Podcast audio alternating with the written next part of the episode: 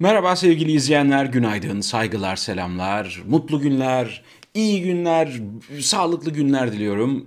Yayın başlar başlamaz, yayının başlayacağını haber alır almaz gelip yayına eşlik edip herkeslerden önce günaydın yazan, merhaba yazan, selam yazan e, kadim e, izleyicilere de çok teşekkür ediyorum. Sağ olsunlar, var olsunlar. E, yalnızlığı unutturuyorlar. Bugün tam vaktinde başladığım için izleyicilerimiz de farkında değiller. Büyük ihtimal bu yine vaktinde başlayamaz dediler. Olumsuz bir ön yargıyla beni ötelediler, örselediler. Ama ben vaktinde başlayarak onlara gereken cevabı verdim sevgili izleyenler. Normalde ben hep vaktinde başlıyorum bu arada. Son bir, bir, birkaç gündür, böyle 3-5 gündür böyle bir vaktinde başlayamama sorunum ama benden kaynaklanmıyor ve dış güçler, dış mihraklar, dış etkenler hani daha doğrusu e, öyle yapıyor.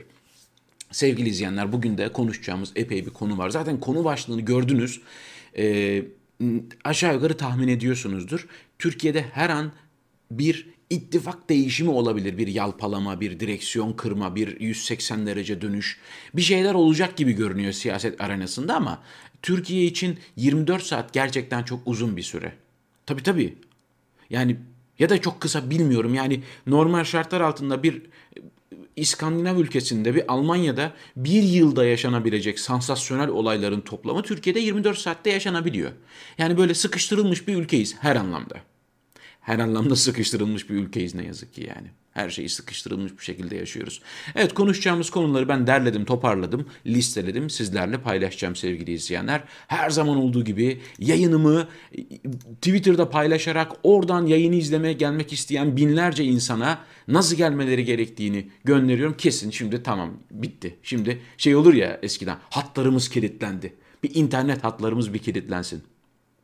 Bu arada aklıma şey geliyor. Yayının başında sorayım da yayının sonuna kadar izleyemeyenler olabiliyor.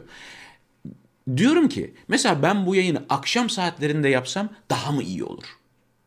Yani öyle bir imkan oluştursam ve akşam saatlerinde yapsam Türkiye saatiyle mesela 20'de daha mı iyi olur? Fikirlerinizi yazarsanız sevinirim sevgili izleyenler. Merak ediyorum. Tabii bu arada sabah yapmamın şöyle bir sebebi var. Sabah bu saatlerde bizim buralarda internet cayır cayır çalışıyor. Oo sol şeridi kapat bas git. Ama akşam saatlerinde herkes böyle internete yüklendiği için e, adil kullanım kotası falan filan olduğu için biraz düşebiliyor. O, ama onu çözerim gibime geliyor. Çözerim ya ne olacak. Alo Merkel abla konuşur çözeriz onu. Almanya'da kolay o işler. Şeyde e, Almanya internet başkanlığında bizim bir işte bir şey var. Kayınçonun arkadaşı var. Oradan çöz öyle olmuyor. öyle olmuyor. Neyse bunların hepsini konuşuruz sevgili izleyenler. Ee, sabah daha iyi. Ee, sabah izleyemezsek akşam izliyoruz. Süper olur. Ahmu eyvallah. Ee, yayın münafık aranıyor mu? Münafık? Münafık? Tam anlayamadım. Belki kelime yanlış olmuştur. Neyse şimdi ben asıl mevzumuza döneyim sevgili izleyenler. Çünkü böyle e, ben, ben şey yapamıyorum. Yorum okuyup sonra kafamdakileri toparlayıp yok işte hanımefendiler sizlere sesleniyorum. Kadınlar erkekler böyle işte. Hani e, ne bileyim hani kocanız işte abiniz babanız falan hani böyle aynı anda iki iş falan yapamayınca onlara kızmayın. Biz bu kadar işte. Şimdi mesela buraya kahve yapıp getiriyorum. 30 dakika içmeden duruyor. Beceremiyorum çünkü. Hem bunu içip hem şey yapamıyorum yani. O ayrı bir şey. Mesela kahve içmek benim için ayrı bir iş. Bunu buna ayrı bir mesai ayırmam gerekiyor. Yani olmuyor. Aynı anda dizi izleyip, aynı anda yemek yapıp, aynı anda biriyle konuşup falan öyle olmuyor yani. Takdir ediyorum bu şeyi. O, o, o ayrı bir yetenek. Şimdi ben şu şey yapayım en başa geleyim e, haberlerde. Evet geldim. Sevgili izleyenler Türkiye siyasetinde her an bir şeyler olabilir. Hiçbir şey olmasa bile şu anda da bir şeyler oluyor olabilir. Hatırlayın, size hatırlatacağım aslında. Zaten benim e, mottom hatırlatmakta fayda var. Hatırlamakta fayda var. Hafıza çok güçlü bir ilaç. Birçok şeyi önceden hani önceden anlayıp erken teşhis hayat kurtarır ya. Hafıza da hayat kurtarıyor. Erken hatırlamak, erken fark etmek hayat kurtarıyor.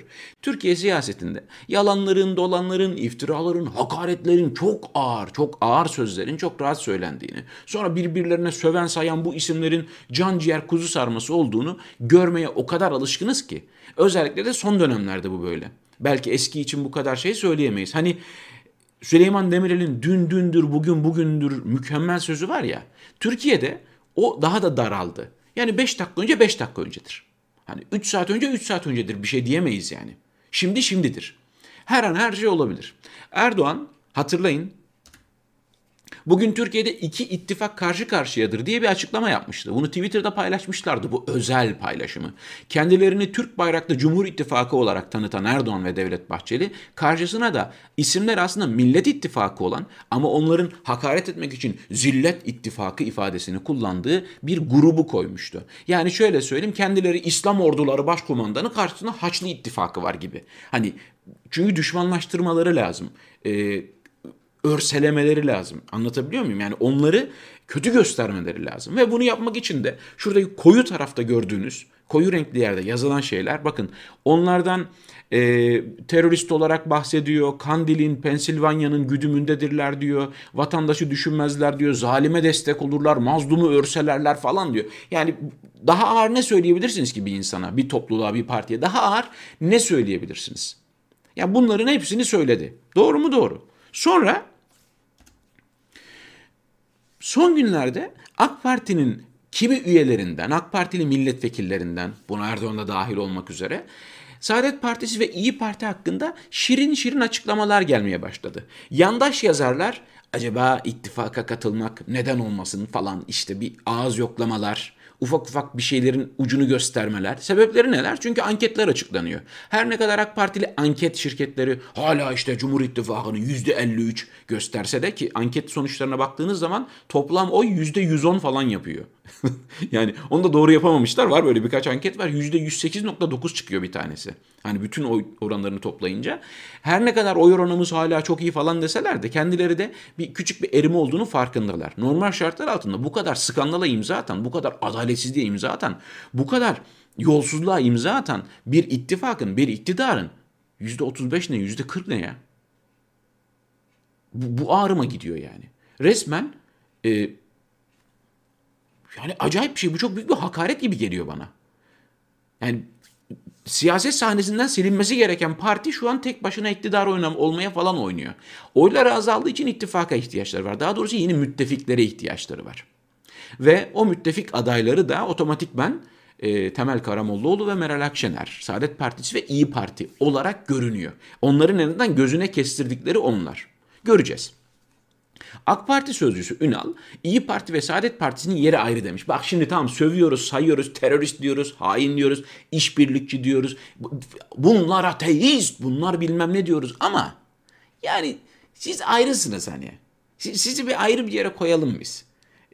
E, öyle şey yapmayın yani. Biz sizle şey yapabiliriz. Öyle hani. Burada temel ölçü, temel belirleyici unsur şu olacak sevgili izleyenler. AK Parti bu konuda gerçekten omurgasızlığını defalarca ispatlamış. Rüştünü ispatlamış. Yanar dönerlikte, e, tükürdüğünü yalamada, dün sövdüğüne bugün kardeşim demede rüştünü ispatlamış. Hepimizi ikna etmiş ve şaşırtmayacak bir siyasi hareket. Öyle bir kutlu davaları var. Ya da kurtlu davaları var bilmiyorum. Yerlerinde duramıyorlar yani sürekli omurgasızlık artık onların şiarı haline gelmiş. Bu, bu bizi şaşırtmıyor AK Parti konusunda. Burada belirleyici olacak şey Saadet Partisi ve İyi Parti'nin ilkeli durup durmayacağı. Yani tükürdüğünü yalayıp yalamayacağı. Gerçekten ülkenin çıkarlarını mı düşünecekler? Bak İyi Parti'nin bazı politikalarını sev, sevme, bilmem ne, onaylı, onaylama, Saadet Partisi işte bilmem ne. Bunları tamamen ayrı bir yere koyuyoruz. Ama şu an muhalefet saflarında olmaları iktidar için çok e, önemli bir engel. Çok önemli bir engel şu anda. Bunu aşacak mı? Bu engeli aşmalarını mümkün mü? Göreceğiz. Bakın art niyetle, kötü niyetle, kesin bunlar bilmem ne yapar falan gözüyle bakmıyorum. Ben yani öncelikle güvenmem lazım, güvenmemiz lazım. İnşallah böyle bir şey yapmazlar. Yaparlarsa yapmazlar inşallah. Yani ben yap, yapmayacaklarına inanıyorum. Yani Temel Karamollaoğlu'nun ve Meral Akşener'in böyle bir şey yapmayacağını ümit ediyorum. Ama diğer taraftan tabii AKP'den Saadet Partisi hamlesi Karamollaoğlu denklem dışında tutulacak. Böyle bir de plan olduğunu öğreniyoruz. Yani Karamollaoğlu ittifaka gönüllü olmayabilir, destek vermeyebilir, Cumhur İttifakı'na katılmayı istemeyebilir. O zaman biz onu saf dışı bırakalım. Denklem dışında tutalım. Yani aklıma gelip gelip duruyor da yani söyleyeyim mi söylemeyeyim mi diye de kendi kendimi düşündüm yayından önce de. İnşallah denklem dışında tutma e, dedikleri şey Muhsin Yazıcıoğlu'nun başına gelen gibi şeyler olmaz yani. Muhsin Yazıcıoğlu'nu da bir şekilde denklem dışında tutmayı başardılar. Bugün milliyetçi camianın geldiği noktayı görünce Muhsin Yazıcıoğlu'nun yokluğunun ne anlamlar ifade ettiğini belki herkes anlıyordur. Sağdan soldan e, hani milliyetçiliği, ülkücülüğü onaylayan, onaylamayan fark etmez. Yani Tabii bu işin içinde Oğuzhan Asil Türk var. Oğuzhan Asil Türk Milli Görüş Camiası'nın şu an yaşayan herhalde en önemli üyelerinden, önemli isimlerinden birisi. Oğuzhan Asil Türk Saadet Partisi'nde bir e, kongre hazırlığı içerisindeymiş. Bir darbe yapmayı planlıyormuş. Böyle bir iddia da var. Bak bu da bir iddia. Değişim yapacak. Yani şimdi Oğuzhan Asil Türk 86 yaşında. Nasıl bir değişim yapacak acaba? Neyi planlıyor? Kaldı ki Saadet Partisi şu anda durduğu yerle sevgili izleyenler Hani Türkiye'de bir gün, bir gün bugünler geçer.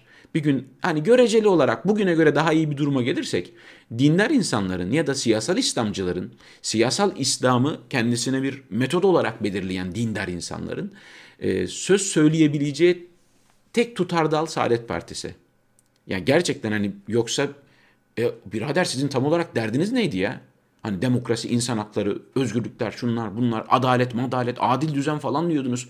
Hani bunlar kendilerine sorulduğunda çıkıp bir dakika birader bak biz o zaman diyebilecek hani tamam mı? Saygı duyulacak en azından ya adamlar öyle ya da böyle bir duruş gösterdiler.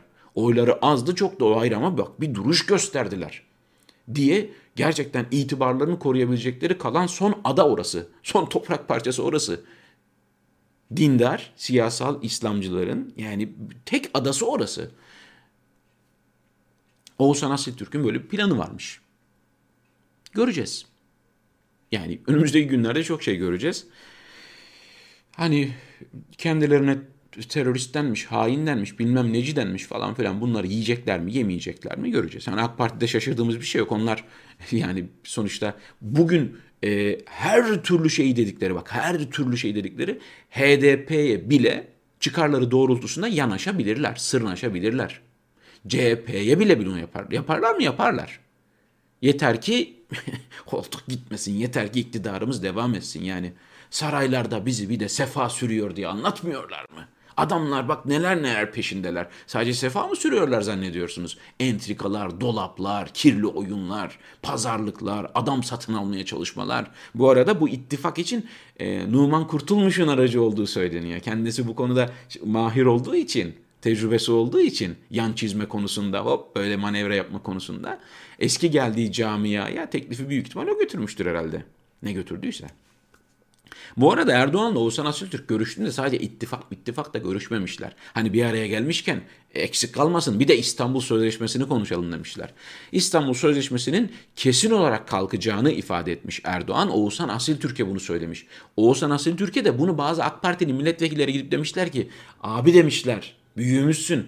Biz kendisine bir şey diyemiyoruz. Sen söylersen dinler. Bak AK Parti milletvekilleri Erdoğan'a bir şey diyemiyorlar. Gidip Oğuzhan Asiltürk'ten rica ediyorlar. O da Erdoğan'a bunu iletiyor. Erdoğan da tamam diyor İstanbul Sözleşmesi'ni kesin kaldıracağız. Yani İstanbul Sözleşmesi'nin varlığı ne anlam ifade ediyor? Onlar uymadıktan, dinlemedikten, onaylamadıktan ne bileyim falan filan sonra ama yani en azından elde bir sözleşme var. Bunu da kaldıracaklar gibi görünüyor. Yani bir araya gelmişken bir de bunu yapalım. Ben merak ediyorum yani sizlerin de düşüncelerini merak ediyorum böyle konuşurken. Gerçekten mesela e, Saadet Partisi'nin ya da İyi Parti'nin e, Cumhur İttifakı'na katılabileceğini düşünüyor musunuz? İnanıyor musunuz? Böyle beklentiniz var mı? Ya da bu konuda tam olarak şeyiniz ne? Tahmininiz ne? Yani önemli bir konu çünkü Türkiye'nin e, önümüzdeki döneminin gidişatını belirleyecek mevzu bu. Göreceğiz.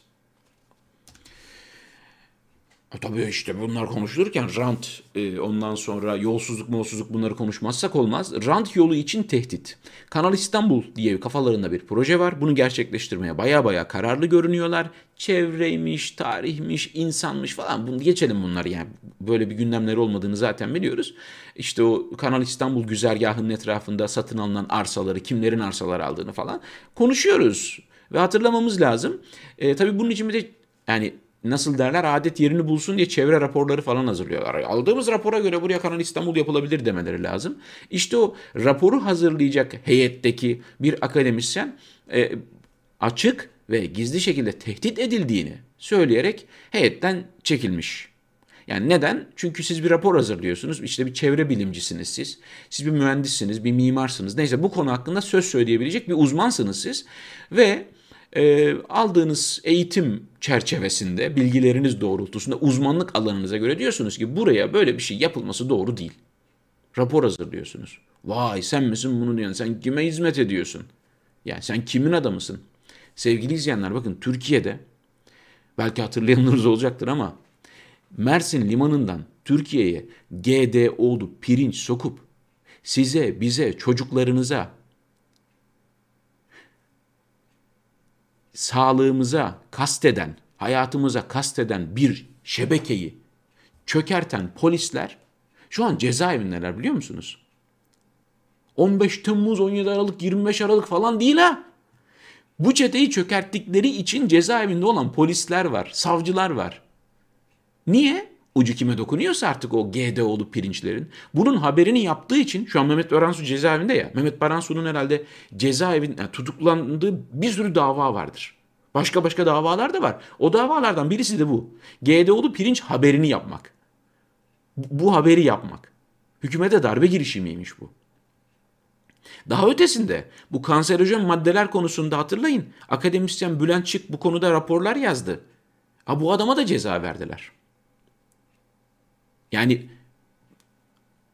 şöyle bir şey var. Ucu kendilerine dokunmaz herhalde bir şey demezler de. Ucu kendilerine dokununca işin işte burada da bir rant yolu var. Burada bir akademisyen çıkıp hayır bura uygun değil yapılmamalı diye bir görüş belirtirse o raporu değiştirmesi isteniyor. Vakıfbank KHK'lı isme yapılan deprem yardımını isminiz yasaklı diye bloke etti. İzmir'de bir vatandaş depremde e, hasar görüyor binası. İzmir Büyükşehir Belediyesi de kendisine herkesin hakkı ne kadarsa artık onun da hakkına 10 bin lira gibi bir yardım düşüyor. Vakıfbank üzerinden hesabına gönderiyorlar ve Vakıfbank bu parayı bu vatandaşa vermiyor. Neden? Çünkü kendisi KHK ile ihraç edilmiş bir Türkiye Cumhuriyeti vatandaşı olduğu için mümkünse açlıktan ölmesi gerekiyor. Hala yaşıyor olması bile şaşırtıcı yani. Öyle Vakıfbank. Hı hı. Yönetiminde e, Hamza Yerlikaya'nın olduğu bankadan bahsediyoruz. Böyle işte. Yani adaletsizlik dediğimiz şey öyle öyle bir nokta ki hani dokunmadığı kimse yok. Kimisini öldürüyor, kimisini süründürüyor, kimisinin elinden özgürlüğünü alıyor. Kimisinin işini gücünü alıyor. Kimisinin pasaportunu alıyor. Ve toplu halde hepimizin umudunu çalıyor. İşte bu. İşte bu. Hani dün konuşuyorduk ya. Hani direkt Hitler'le benzettim. Direkt Naziler işte bu, bu bir Nazi uygulaması mesela. Bu bir Nazi uygulaması. Eğer şey arıyorsanız böyle tek tek benzetmek lazım konuları. Bu bir Nazi uygulaması. Kendilerini nereye koyuyorlarsa ona göre koysunlar. Avrupa İnsan Hakları Mahkemesi 2020 raporunu açıklamış. Dava başvurularında Rusya'nın ardından Türkiye ikinci sıradaymış. Biraz daha gayret gösterip inşallah birinci sırayı da alacağız. Öyle görünüyor yani. Tabii giden davalar Avrupa İnsan Hakları Mahkemesi'ne giden davalar orada açıklanan işte kararlar ne işe yarıyor? Neyi değiştiriyor? Bu da ayrı bir mevzu. Çok yani hani umutlanacağımız bir şey yok bu konuda da. Sağ olsun Avrupa İnsan Hakları Mahkemesi öyle çok da ona umut bağlamamamız gerektiğini bize usulünce lisanı münasiple sık sık anlatıyor. Çünkü Avrupa İnsan Hakları Mahkemesi'nin başkanı Spano Türkiye'ye gelmişti. Erdoğan'la görüşmüştü sarayda. Oradan Mardin'e gitmişti, kebap yemişti. Mardin kayyumuyla bir dizi görüşme gerçekleştirmişti falan hatırlayın. Şimdi diyor ki Türkiye ziyaretinde görüşmediğimiz STK'ları buraya davet ettik. Mahkeme başkanının üye devleti ziyaret etmesi mahkemenin ya da başkanın bağımsızlığını ve tarafsızlığını zedelemez. Zedeler. Zedeler kardeşim zedeler. Sen mahkeme başkanıysan yargıladığın, senin karşına sanık olarak çıkacak, senin karşına zanlı olarak çıkacak kişiyi gidip ziyaret edemezsin. Tamam mı? Davasına baktığın adamın gidip dükkanında kebap yiyemezsin. Zedeler. Öyle de bir zedeler ki. Gel de umut bağla şimdi. Ya. Heh, buyurun. Şimdi şu haberi göstereceğim hemen arkasına. Yani Avrupa İnsan Hakları Mahkemesi bilmem ne falan. Hani olumlu gelişmeler gördük diyen Avrupa Birliği. Buyurun olumlu gelişme. Bir aydır babamdan haber alamıyorum. Nerede, ne yaşıyor bilmiyorum. Gökhan Güneş işkence gördüğünü anlattı. Babam nerede? Neden bulunmuyor? Daha kaç gün beklemem gerekiyor? Bu soruyu bir kız çocuğu soruyor. Babasını arıyor. 30 günü geçti ve bu adam yok. Yok bu adam. Eğer bu adamı bir mafya kaçırdıysa, bu adamı bir suç örgütü kaçırdıysa bu adamı devlet bulmak zorunda. Emniyet bulmak zorunda. Peki ya kaçıran devletse, ya kaçıran MIT'se, emniyetse ya da görünmeyenler isimli sorgulanamayan, yargılanamayan, haklarında hiçbir araştırma yapılamayan birileri ise. E o zaman ne olacak? Nasıl bulacağız? Bu adam suçluysa, bu adam teröristse, bu adam bilmem neyse yargılayın kardeşim. Hem de duruşmasını canlı yayınlayın. Bütün Türkiye görsün bu adamın nasıl bir suçlu olduğunu. Koyun dosyaları teker teker, takır takır koyun dosyaları. En azından ailesi bilsin ki, en azından bilsin ki, evet bizim babamız şu an burada böyle de suçlar işlemiş. Eğer böyle bir şey varsa, yoksa niye kaçırıyorsunuz? Bu adam suçluysa niye kaçırıyorsunuz? Bu adam suçsuzsa niye kaçırıyorsunuz? Siz neden insan kaçırıyorsunuz? Ben geçen programda işte Avrupa Birliği olumlu gelişmeler görmüş. O yüzden yaptırımlardan vazgeçmiş değil mi? Bazı izleyiciler iyi bu kötü bir şey mi yani ülkemize yaptırım uygulamayacak. Neden bunu hani sevinmen lazım falan yazanlar olmuş. Hatta kimi hakaretler filan da var. Meseleyi çok yanlış yerden görüyorsunuz. Mahallenizde bir ev var. Ve o evde bir herif var evde karısına çocuklarına zulmediyor. Dövüyor sürekli. Siz de bunu duyuyorsunuz bu bu adamın yaptıklarını, bu herifin yaptıklarını. Geliyor çocukların ağlayışları geliyor. Kadının feryatları geliyor. Bu arada bu herif mahalleliye de sürekli mahalleli diğer evlere de zarar veriyor. Tamam mı? Başka başka sorunları da var. Sağa sola saldırıyor filan. Sonra sizin elinizde bu adamın zulmünü durduracak, o evdeki çocukları, o evdeki kadını, o evdeki mazlumları, garibanları kurtaracak bir koz var elinizde. Bir yaptırım kozu var. Eğer o kozu uygularsanız bu herifi yola getirebilirsiniz. Çocukları, kadını kurtarabilirsiniz. Sonra diyorsunuz ki ya biz bazı olumlu gelişmeler gördük o yüzden yapmamaya karar verdik. Ne bu olumlu gelişme? Ha herif yolda geçerken sizin çöp kutularınıza tekme atmayacakmış bundan sonra. Sigarasının izmaritini sizin evinizin bahçesine atmayacakmış. Gördüğünüz olumlu gelişme bu. O arada evde devam ediyor çocukları kadını dövmeye. Valla kusura bakmayın ama Türkiye'de mazlumların, adaletsizliğe uğrayanların, hakkı yenenlerin birazcık rahatlamasını sağlayacak her türlü yaptırımı destekliyorum. Her türlü yaptırımı destekliyorum. Ülkemin iyiliğini istediğim için destekliyorum. Bir işe yarasınlar. Yani koca dünya bilmem ne. E, komşunuzda bir zulüm oldu, olsa siz ses çıkarmayacak mısınız? Yani komşunuzda birisi bir herif Çocuklarını dövse, karısını dövse siz de bu sesi duysanız polisi aramayacak mısınız? Elinizde bir güç olsa bunu engellemeyecek misiniz o çocukları kurtarmak için? Yani çok acayip işte bakın. Bir aydır babasını arayan bir kız var. Kimin umurunda ya? Yine söylüyorum böyle bir dizi yapsalar reyting rekorları kırar ya. Kaybolan babasını arayan üniversite öğrencisi genç kız. Verdiği mücadele, çaldığı kapılar, yüzüne kapanan kapılar aramak istemeyen, aramaya gönüllü olmayan, onu desteklemeyen, ona çare bulmayan savcılar, polisler, endişe, korku, tehditler, yalnızlık. Tabii Türkiye'de teyzeler, anneler hüngür hüngür ağlarlar. Babalar, amcalar gizli gizli ağlarlar böyle bir hikayeyi izlerken. Vay be. Tabii. Ha, gerçeği var. Kimse dönüp bakmıyor. Gerçeği kimsenin umurunda değil. Yani empati yapamıyorum ya. Vallahi empati yapamıyorum. Ya diyorum ki ben bu durumda olsam ne yapardım? Düşünmek korkutuyor beni ya. Düşünmek beni endişelendiriyor. Düşüncesi bu kadar yoruyor. Ahmet Hakan. Ne olur yani sayıları zaten çok sınırlı olan milletvekillerine aşıda öncelik tanınsa. Bunu yazabilecek bir adam vardı Türkiye'de o da yazdı. Bak bunu diyebilecek bir kişi vardı o da dedi. Yani sayıları çok sınırlı olan derken ne oluyor? Bunların soyu mu tükeniyor ya? Bunlar endemik bir bitki mi? O aşı vurulmazsa milletvekili soyu mu tükenecek ya?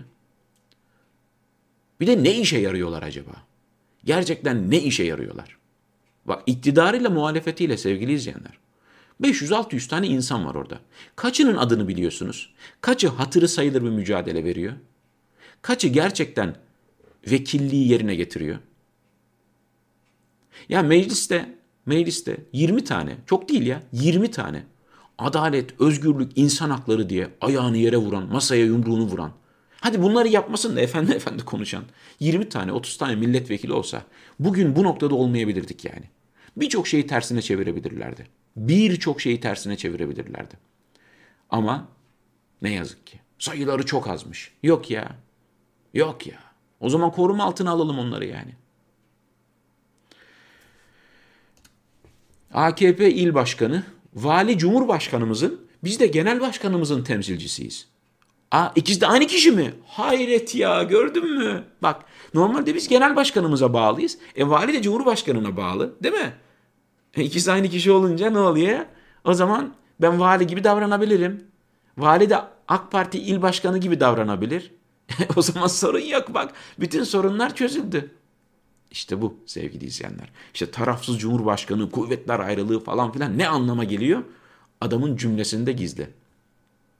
Ya. Hani olur da yani belediye başkanı yanlış bir şey yaparsa vali var orada. Vali bir şey yap, belediye başkanı var. Hani ama hepsi aynı olunca işte bazen uyum çok kötü bir şey. Uyumlu olmak hiç de iyi bir şey değil. Yani adaletsizlikte uyum sağlamak, zulümde uyum sağlamak, haksızlıkta uyum sağlamak son derece faydasız bir eylem. Son derece faydasız bir faaliyet. Bu arada Beyaz Ev'den ilginç bir şey. Beyaz Ev deyince şaşırmayın ha. Beyaz Ev yani. White House. Yani hiç İngilizce bilmiyorsak bile House'un ev olduğunu biliyoruz yani. Beyaz Saray falan değil. Biz uydurmuşuz Beyaz Saray'ı sevgili izleyenler. Beyaz Ev. Yani ben Ankara'daki Cumhurbaşkanlığı Kulliyesi denilen sarayı da gördüm canlı canlı. Beyaz Evi de gördüm canlı canlı. Yani eğer Beyaz Saraysa bizim Ankara'daki başka bir şey. Başka bir şey orası başka bir şey. Eğer e, Beyaz Evse evet orası saray yani onu şey yapalım. Beyaz Ev'den ilginç bir açıklama geldi sevgili izleyenler. Amerika'da Biden hükümeti çalışmaya başladı. Avrupa Birliği ile bir görüşme gerçekleştirmişler. Türkiye biliyorsunuz her zaman Amerikan yetkililer Türkiye'den bahsederken işte müttefikimiz. Sürekli bu vardı değil mi? İşte güçlü müttefikimiz, dost ve müttefik. Hep bu ifadeler kullanılıyordu. Bu açıklamada ilginç bir şey var. Diyorlar ki e, Türkiye ve Çin gibi ortak, endişe verici problemlere karşı birlikte çalışmalıyız. Avrupa Birliği ve Amerika Türkiye ve Çin gibi sorunlara karşı birlikte çalışacaklarmış. İlginç bir lige doğru sürükleniyoruz. İlginç bir yere doğru sürüklen yok sürüklenmiş ve şu an orada bataklığa saplanmış bile olabiliriz yani. Ha işte normalde bak yine söylüyorum. Hani Türkiye'de adalet, insan hakları falan konusunda hepimiz son derece rahat olsak. Son gerçekten Türkiye çok özgür bir ülke olduğu için, çok adaletli bir ülke olduğu için bunlar böyle şeyler düşünüyor olsalar. Biz çok şeyiz ya, bizi kıskandıkları için gerçekten böyle yapıyor olsalar o kadar çok isterim ki böyle bir ihtimali. Amerika ve Avrupa Birliği bizim işte güçlenmemizi yani böyle bakıyorlar ya olaya. Hani yandaş kafasıyla düşünüyorum. Aa çok rahatlattı ya beni bu. Öyle düşünmek rahatlattı aslında. Niye böyle beynimizi patlatıyoruz ki sürekli? Adamların düşündüğü gibi düşününce birçok sorun çözülüyor aslında. Neyse bir tane de iyi haber okuyayım da. Hep mi kötü haber? Buyurun iyi haber. Amerika'da karda mahsur kalan sağlık görevlileri ellerindeki Covid-19 aşılarını yolda kalanlara yaptı. Haberi okudum. Güzel haber yani teşekkür ederiz A- akıl edenlere. Çok pratik bir çözüm bulmuşlar. Yolda mahsur kalmışlar kardan dolayı gidemiyorlar. E aşılarında biliyorsunuz bu aşıların acayip hassas aşılar. Hiç okudunuz mu detaylarını bilmiyorum. Mesela dün e, önceki gün öğrendiğim şey. Mesela bu BioNTech'in aşısı var ya hatırlayın böyle aşıları sallar doktorlar. Aşıları sallarlar böyle hemşireler ya da işte şey şırıngaya çekerler. Şırıngaya böyle tık tık tık vururlar en son içindeki hava gitsin diye filan. Bunun bile yapılmaması gerekiyormuş mesela. Biontech aşısında sallanmaması gerekiyormuş. Böyle çalkalama diye bir şey yok ya da böyle tık tık tık vurma yok. Şu şekilde tamamen böyle son derece yavaş bir şekilde sallanıp e, olabildiğince az hareketle aşının yapılması gerekiyormuş. O bile şey yapıyor. Dolayısıyla bu aşılar da ellerindeki aşılar hangi marka bilmiyorum. E, artık e, süresi dolacak, süresi geçecek ya da etkinliğini kaybedecek endişesiyle yolda mahsur kalan insanlarla konuşup ellerindeki aşıları yolda kalan insanlara yapmışlar. Güzel fikir, bravo. Pratik zeka, harika. Yani hiç olmazsa böyle bir şey okuyalım yani. Bu günün sonunda elimizde böyle bir e, aferin diyeceğimiz bir haber olsun.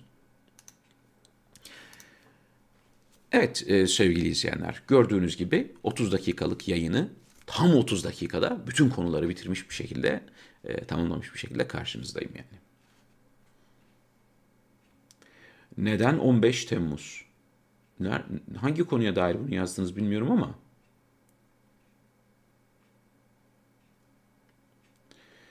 Ee, ya bir de bir şey var. Bu Anayasa Mahkemesi'ne e, böyle uçarak üye yapılan İrfan Fidan var ya. O 15 Temmuz soruşturmalarını falan da yürütüyor ya bu. Arada şey 17-25 Aralık soruşturmasını kapatan o. Gezi iddianamesini hazırlayan o. İşte e, Selahattin Demirtaş davasına o bakıyor, Osman Kavala davasına o bakıyor, Can Dündar davasına o bakıyor. Yani böyle bir adam.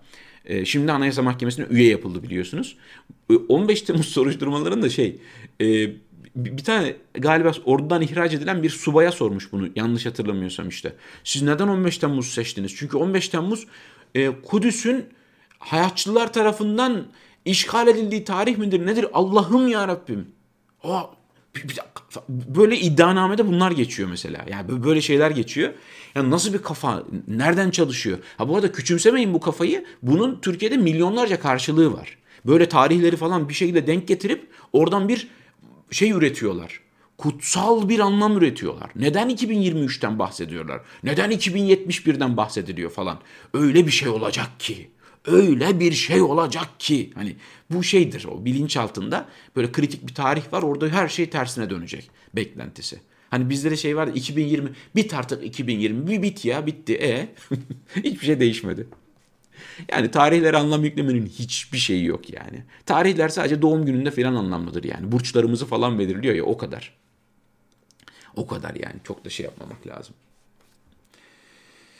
Evet öyle yani sevgili izleyenler.